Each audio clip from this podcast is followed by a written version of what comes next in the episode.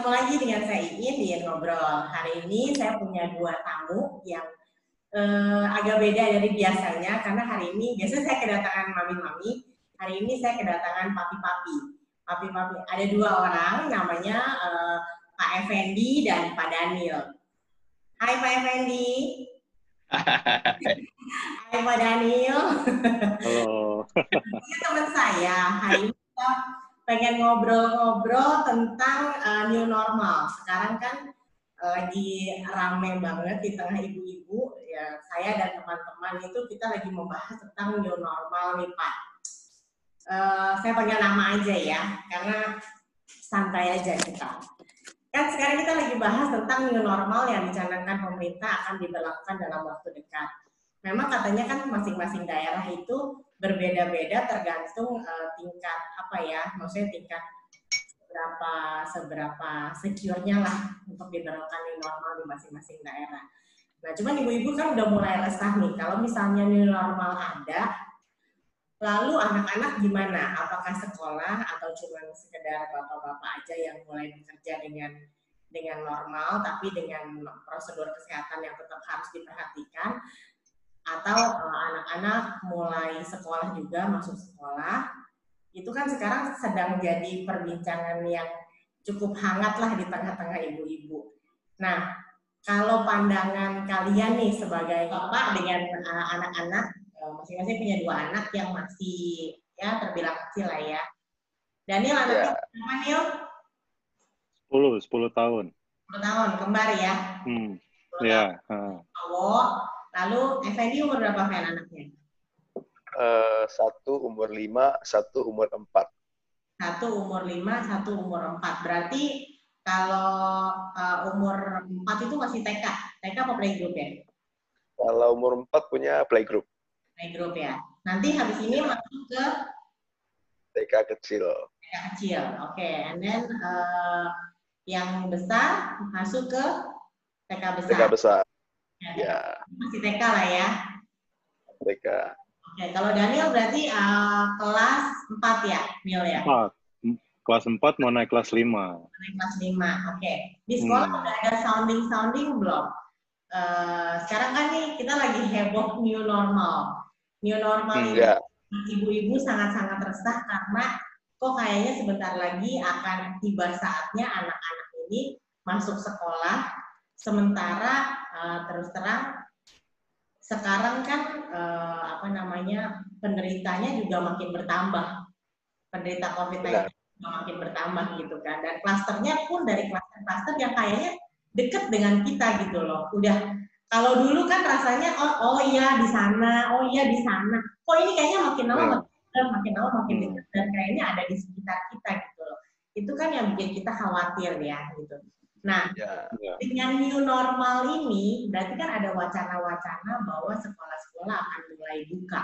Ada kemungkinan lah, ada ke arah sana possibility-nya bahwa nanti tahun ajaran baru di Juni-Juli itu ada beberapa sekolah mungkin yang sudah buka, ada yang mungkin masih belum, ada yang lain-lain. Tapi sekolah pasti sekarang sudah mulai consider untuk buka, gitu kan. Mm -hmm.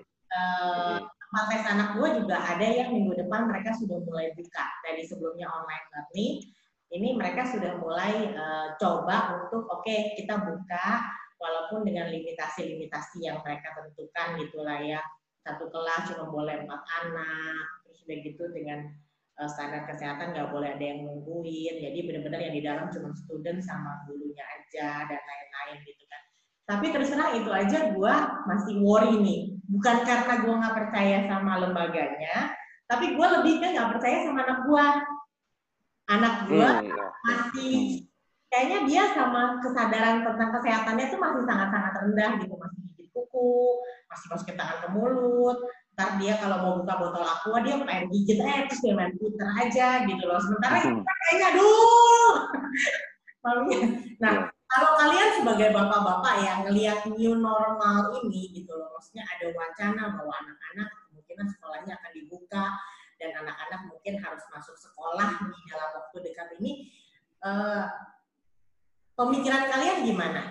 Coba Daniel dulu. Hmm, kalau dari sekolah anak gue sih belum ada ya, belum ada belum ada isu-isu mau mulai tatap muka ya. Tapi kalau misalkan ternyata disuruh masuk, Hmm. kalau gue mungkin belum nggak mau dulu sih, Oh, lu nggak mau dulu. nggak Sebabnya mau dulu. Soalnya, tapi nggak tahu juga ya. Soalnya pertama kan prosedurnya kita belum tahu. New normal di bidang pendidikan itu kita nggak tahu kan kayak gimana kan. Sekarang cuman masih dengar-dengar aja. Katanya kelas hanya li- ya itu kan kita belum jelas dong, belum tahu kan. Jadi nggak bisa nggak pengalaman bisa judge juga lah. Ya, siapa? ya. Tapi ya kayak lu bilang, kita kan tahu anak kita kayak gimana. Mereka jadi bukan nggak percaya sekolahnya, nggak percaya ke anaknya. Iya, Iya, sadly ya kita mesti mengakui itu. iya, Ya, tapi betul. tingkat kesadaran mereka terhadap kesehatan itu masih sangat rendah gitu. Kalau Effendi gimana, Mbak? Iya. Oh, udah mulai ada sounding-sounding belum mau masuk atau gimana? Eh, pernah dengar sepertinya ada mau kembali, tapi habis itu tak jadi. Sekarang pun nggak tahu jadi atau tidak. Tapi kalau bicara misalnya anak-anak sudah mulai sekolah, ya memang anak-anak dikhawatirkan. Apalagi anak-anak saya kan masih kecil. Ya, Jadi mereka nggak mungkin bisa terapkan yang namanya apa physical distancing lah atau apa gitu itu kan tidak mungkin pasti maunya main ya Iya, kira-kira di iya. situ Eh, udah nggak perlu cuma kayak ada meme gitu ya, eh punya lu lucu ya maskernya yuk kita tukeran gitu ya. ya itu Apalagi kalau anak-anak TK mereka kan lebih benar-benar nggak ngerti gitu kan. Kalau misalnya eh, kayak anak gua, anak gua kan eh, umur 8 sekitar eh, sebentar ya Gimana? naik kelas 3 gitu kan. Tapi kalau misalnya kayak anak Effendi, ya itu kan sangat-sangat kecil gitu ya. Iya, masih kecil. Hmm. Nah, itu kayaknya kayak penuh kekhawatiran nggak sih untuk masukin? Iyalah, Opsinya takut lah. ada, ada, ada beberapa wacana yang eh, Oh. namanya ibu-ibu ya ibu sorry ngikutin nih ya kayak kayak gini-gini kan kita kan eh, dapat dapat kabarnya tuh cepat sekali gitu kan ya. Nah sekarang kan ada beberapa opsi nih, ada dua opsi. Oke, tetap jalan di online learning seperti sekarang atau jalannya eh, ketemu ketemu tatap muka dengan prosedur kesehatan yang tadi kita udah bahas bahwa kita nggak pilih itu gitu kan. Terus eh, ada satu lagi opsi bahwa menunda tahun ajaran ke Januari atau Mei ya ke Januari lah ya yang paling dekat. Kalau kalian sebagai bapak-bapak pilih mana? Online learning tetap jalan atau menunda tahun ajaran sampai Januari? Kalau gue sih lebih pilih online learning tetap jalan. Online learning tetap kan ya sekarang juga udah mau kenaikan kelas kan. Ya, itu kan yang paling dikhawatirkan karena ini udah mau kenaikan kelas. Iya. Nah, ibu-ibu udah mulai Iya. berarti tahun ajaran baru pilihannya adalah tahun ajaran baru kita mulai di kelas eh, apa jalan mulai tatap muka atau Hmm. udahlah jangan dulu kita pending aja tahun ajarannya. Kalau menurut Ya. eh, apa namanya kayak lu deh, mungkin kalau kayak Fendi dia nggak terlalu masalah karena anaknya kan masih masih Hmm. Hai, coba ini lihat dulu. Sini sini. Hmm? Say hi dulu. Hai. Hai, Hai, ini siapa Irfan Afif? hai, Siapa Meme? Siapa namanya? nama siapa Vian. Pion, hai Pion. Enak nggak sekolah dari rumah? Halo. Sekolahnya apa, Fen? Sekolahnya pakai Zoom gitu atau eh, kayak ada tugas-tugas saja?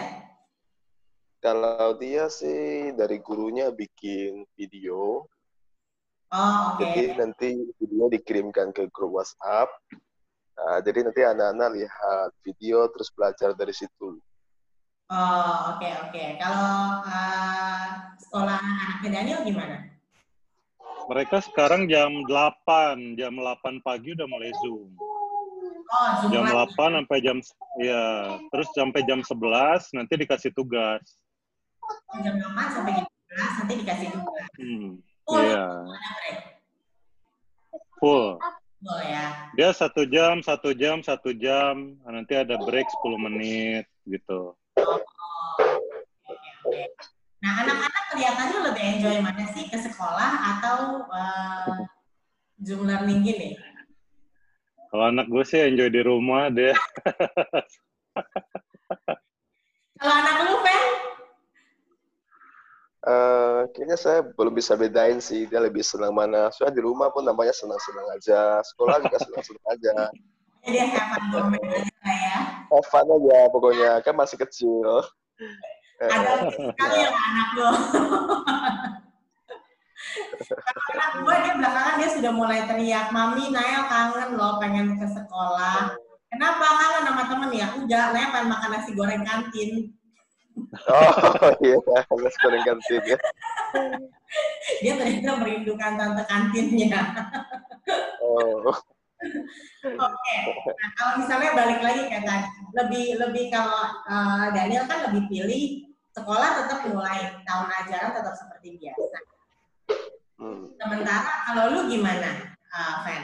Apakah lu punya Kalau gua ya, kalau gua sih lebih ke ini mungkin ya, eh, tahun ajaran baru undur ya. tahun ajaran baru undur? Kenapa? Hah? Alasannya apa? Eh, karena mereka kalau mau masuk sekolah, menurut saya sih ya seperti saya tadi bilang ya, anak-anak kan apalagi masih kecil seperti ini tahunya main, jadi nggak mungkin bisa penerapan physical distancing atau kebersihan seperti apa. Jadi kalau kemudian kalau sekolah di rumah terus kan capek di mamanya gitu ngajarin ngajarin Sayang itu masalahnya. loh. Hah? Sayang istri. Ah, bukan, memang begitu. Saya pun kadang-kadang capek. Kita jadi ada tugas sudah malam, ngevideoin, ngevideoin anak-anak kerjain tugas, ngevideoin mereka belajar, seperti, seperti itu. Oh, Oke, oke. Jadi, Ya. nah sekarang pertanyaan gua kalau misalnya kayak gitu ya. Nanti by Januari, let's say sampai Januari. By Januari kalau misalnya masih belum juga gimana? Ya, kalau masih belum, mudah-mudahan ada protokol keamanan SOP yang bagus seperti apa dalam anak-anak ini sekolah dan kita melihat dari itu kalau memang bisa diterima ya di- boleh gitu. Oh, berarti online learning itu tidak masuk dalam opsi lo lah ya? Eh, karena mereka belum umurnya sih menurut saya untuk bisa online learning. Oh, oke, oke, oke, oke. Eh, sudah pernah belum sih di sekolah anak eh, lo online learningnya tuh bentuknya kayak interaksi gitu? Ini bukan sekedar ada, mereka dari awal video. lewat video ya. Oke, Ya, video tidak pernah live. sekolah yang kayak gitu memang agak kesulitan karena bebannya berat di eh, pendamping di rumah sih ya. Ya, benar. benar. Oke. Eh, Tapi kalau misalnya buat Daniel, kenapa lu nggak pilih mundur ah, Januari aja? Kenapa lu lebih pilih online learning? Kayaknya bakal ribet ya. Itu kan bakal mempengaruhi kenaikan kelas berikutnya, bakal mempengaruhi beban belajarnya dia gitu. Kayaknya bakal ribet lah itu ininya.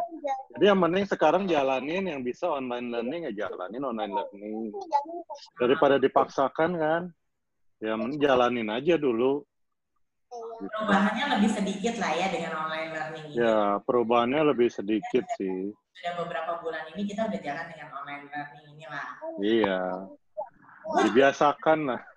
Kalau gue pribadi juga sebenarnya lebih pilih online le- learning. Kenapa? Mungkin kalau Effendi belum terlalu berasa karena anaknya masih TK gitu ya. Tapi gue nggak betul. kalau misalnya eh, anak gue baru masuk Januari gitu ya. Ini dia masuk tiap hari aja tambah-tambahan dia bisa lupa gitu kan. Iya. kalau masuk Januari tuh kayaknya semua yang ada di otak tuh udah lontong, udah gak tau di mana gitu. hilang ya. Udah hilang. Oh. Sekarang gini, kita yang kita yang setiap hari kayak sekarang gitu kan ya, kita yang setiap hari mungkin dikirimin video sama gurunya atau zoom gitu kan ya. Kita kalau misalnya apa nggak ada pressure, kalau sekarang kan kita ada pressure itu, kita bahwa kita harus tugas, harus apa gitu kan. berarti kan kita memaksakan diri sebagai orang tua untuk ngejarin anak nih, eh lu harus belajar, eh, lu harus begini gitu Iya. kan ya. Ada ada ada ada uh, ada tugas yang harus diselesaikan gitu untuk untuk mengasah uh, ya walaupun nggak banyak nggak bisa kayak di sekolah tapi mengasah lah membiasakan dia untuk terbiasa gitu. Tapi kalau misalnya nggak ada ya kan libur nih kan mami-mami santai Hmm. Jangan-jangan mami udah lupa gitu. Karena kita nggak mungkin nih di tengah-tengah kesantaian itu, oke, hafalin ya kali-kalian. Itu tidak pernah berhasil di gua. Mungkin ada mami lain yang bisa ya, tapi gua nggak bisa loh.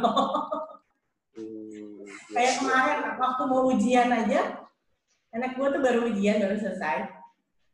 Seminggu sebelum ini, seminggu sebelum ujian itu kan libur lebaran. Kemarin kan libur lebaran. Jadi dia tuh sekolahnya luar biasa sih, percaya banget sama anak-anaknya. Begitu libur lebaran selesai, langsung ujian. Nggak pakai pemanasan lagi. Jadi nggak pakai pemanasan, langsung ujian. Gue udah berniat nih sebelum liburan, gue udah berniat. Pokoknya anak gue tiap hari harus ngapalin minimum satu kali kalian.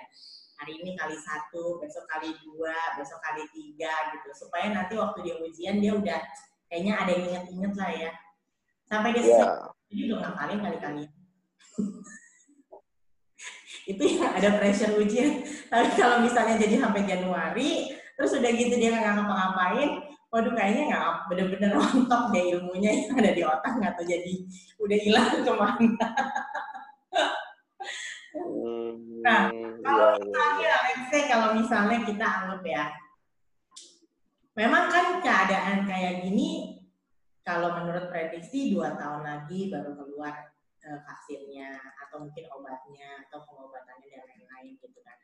Nah, kalau misal dan tapi kan nggak mungkin ya, maksudnya dalam dua tahun anak kita seperti ini terus gitu kan betul. ya kan nah, kayak misalnya terutama anak-anak yang eh, naik level kalau misalnya ada di satu misalnya level TK atau level SD itu kan masih gurunya masih paham gitu ya pergerakan lu segala macam gitu kan. Tapi kalau misalnya yang naik level mungkin dia mau pindah sekolah dan lain-lain itu kan eh, jadi menyulitkan gitu kan. Nah Ya. kira-kira prosedural kesehatannya seperti apa sih yang yang yang kalian bayangkan tuh? Oke eh, oke lah kayaknya ini ini udah satu dua ini sudah sampai di satu titik di mana lu harus pergi sekolah seneng nggak? Seneng suka nggak? Suka. Kita harus membiarkan mereka pergi ke sekolah karena kondisi yang begini ini tidak terlalu eh, maksimal untuk mereka belajar. Itu kira-kira kondisinya pertama ada di kondisi apa terus kira-kira lo ekspektasinya apa gitu loh dari sekolahan untuk untuk mengakomodir keinginan orang tua? Wah, itu kayaknya susah itu ya. Jawabannya susah itu. Berat ya pertanyaan Berat. Tapi mungkin itu berlaku buat yang udah level-level SMA, level-level mau kuliah mungkin bisa ya kayak gitu, bisa terjadi kejadian seperti itu ya. Hmm. Em, tapi kalau level-level mungkin masih SD, tetap kesehatan lebih lebih utama lah ya daripada daripada belajar. Belajar mereka masih bisa lah, online masih bisa lah. Kalau level SD ya. Tapi kalau SMA mungkin bisa tahap. Lagian kalau anak SMA kan udah bisa diajarin. Social distancing mereka udah bisa ngerti. Pakai masker seharian mereka udah bisa. Iya. Kalau anak-anak TK atau SD disuruh pakai masker, mana tahan mereka. Iya. Bentar aja udah dilepas. Ya, udah Iya. jadi, Batman. Iya. Anak lo betah Nanti malah tuh. Kenapa? Anak-anak, anak lo betah nggak pakai masker? Sorry, Anak-anak kayaknya nggak ada yang betah lah. Mereka main-main ninja-ninjaan. Udah bosan lepas. iya. Betul betul. Hah? Malah salah-salah mereka bisa tuker-tukeran masker loh. Ya itu Oh, maskernya lucu gitu. ya, gitu. Nah, betul. Itu yang paling ditakutkan bahwa mereka tuker-tukeran masker karena kita kan nggak bisa Iya. kayak sekarang terakhir kan yang eh, klaster terakhir ini bisa ada anak yang eh, eh, dan banyak gitu ya. Dulu kan kita agak tenang karena katanya anak-anak itu nggak kena, Ya. ya kan? Tapi kayaknya semua mitos tentang COVID-19 itu sampai ke Indonesia semua dipatahkan.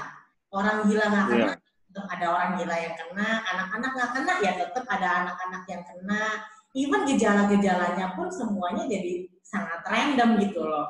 OTG-nya Iya, jadi iya. banyak sekali gitu kan. Betul, betul, betul.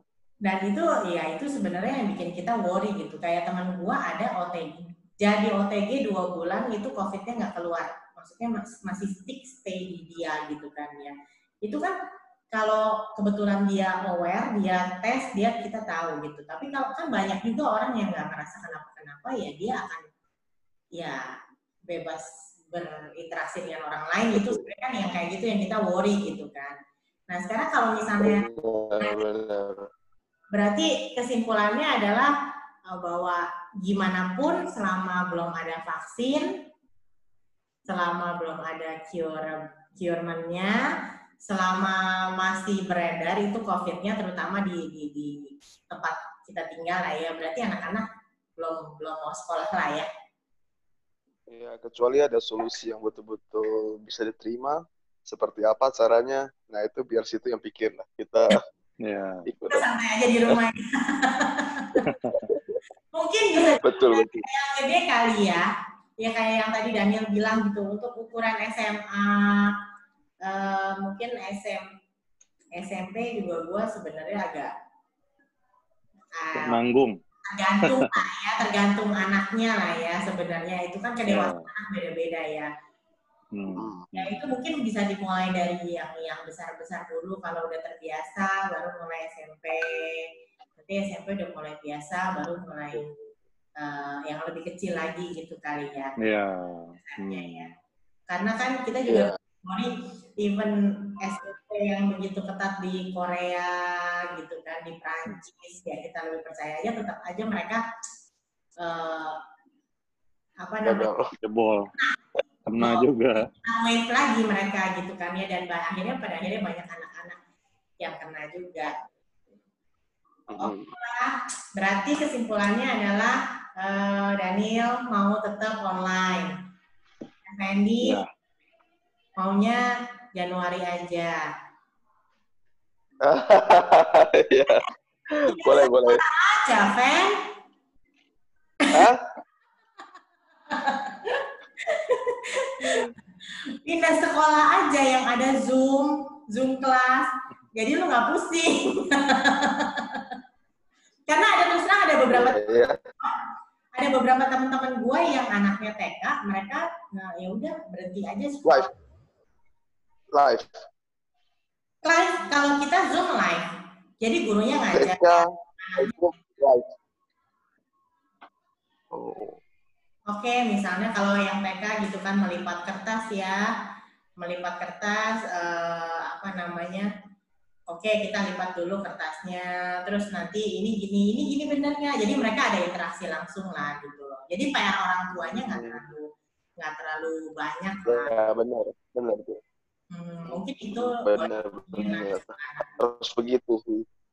Mm-mm. Ada yang keluar ya? Kalau TK banyak yang keluar juga ya? Berhenti, berhenti sekolah. teman gue yang anaknya eh, ya sudah gitu loh. Pertimbangannya adalah pertama dari segi biaya gitu kan, karena orang tua Iya.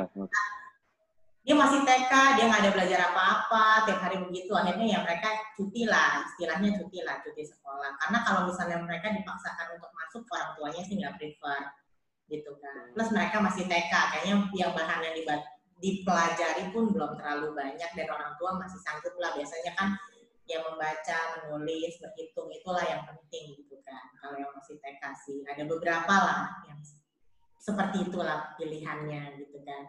Cuman kalau gue sih tetap gue lebih kayak gue les anak-anak gue juga gue tetap selama lesnya ada online gue tetap kasih gitu supaya dia juga nggak bosen.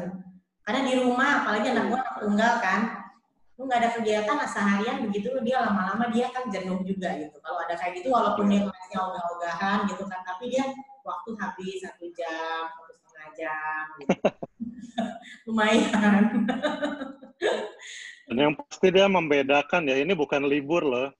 Ya, Ini sekolah dari rumah gitu ya kan. betul. Tetap aktivitas sekolah. Tapi menurut gue sekolah dengan Zoom itu sih itu satu satu apa ya? eh, satu cara pendidikan yang mungkin cucu kita akan ngalamin. Ini adalah ini adalah new way of learning gitu loh. Benar. Oke lah, terima kasih banyak buat waktunya. Mudah-mudahan Sama-sama. yang diambil sama pemerintah dan kebijakan-kebijakan yang diambil sama sekolah anak-anak kita itu bisa bikin kita tenang. Ya, betul. Itu penting ya. Dan bisa bikin kita semua Ya. sehat. Oke, tetap sehat. Eh, Ya. tetap berkarya di bidangnya masing-masing dan mudah-mudahan kita semua bisa support apa pun yang yang diputuskan sama government deh. Sip, thank you ya. Bye-bye. Oke, bye-bye.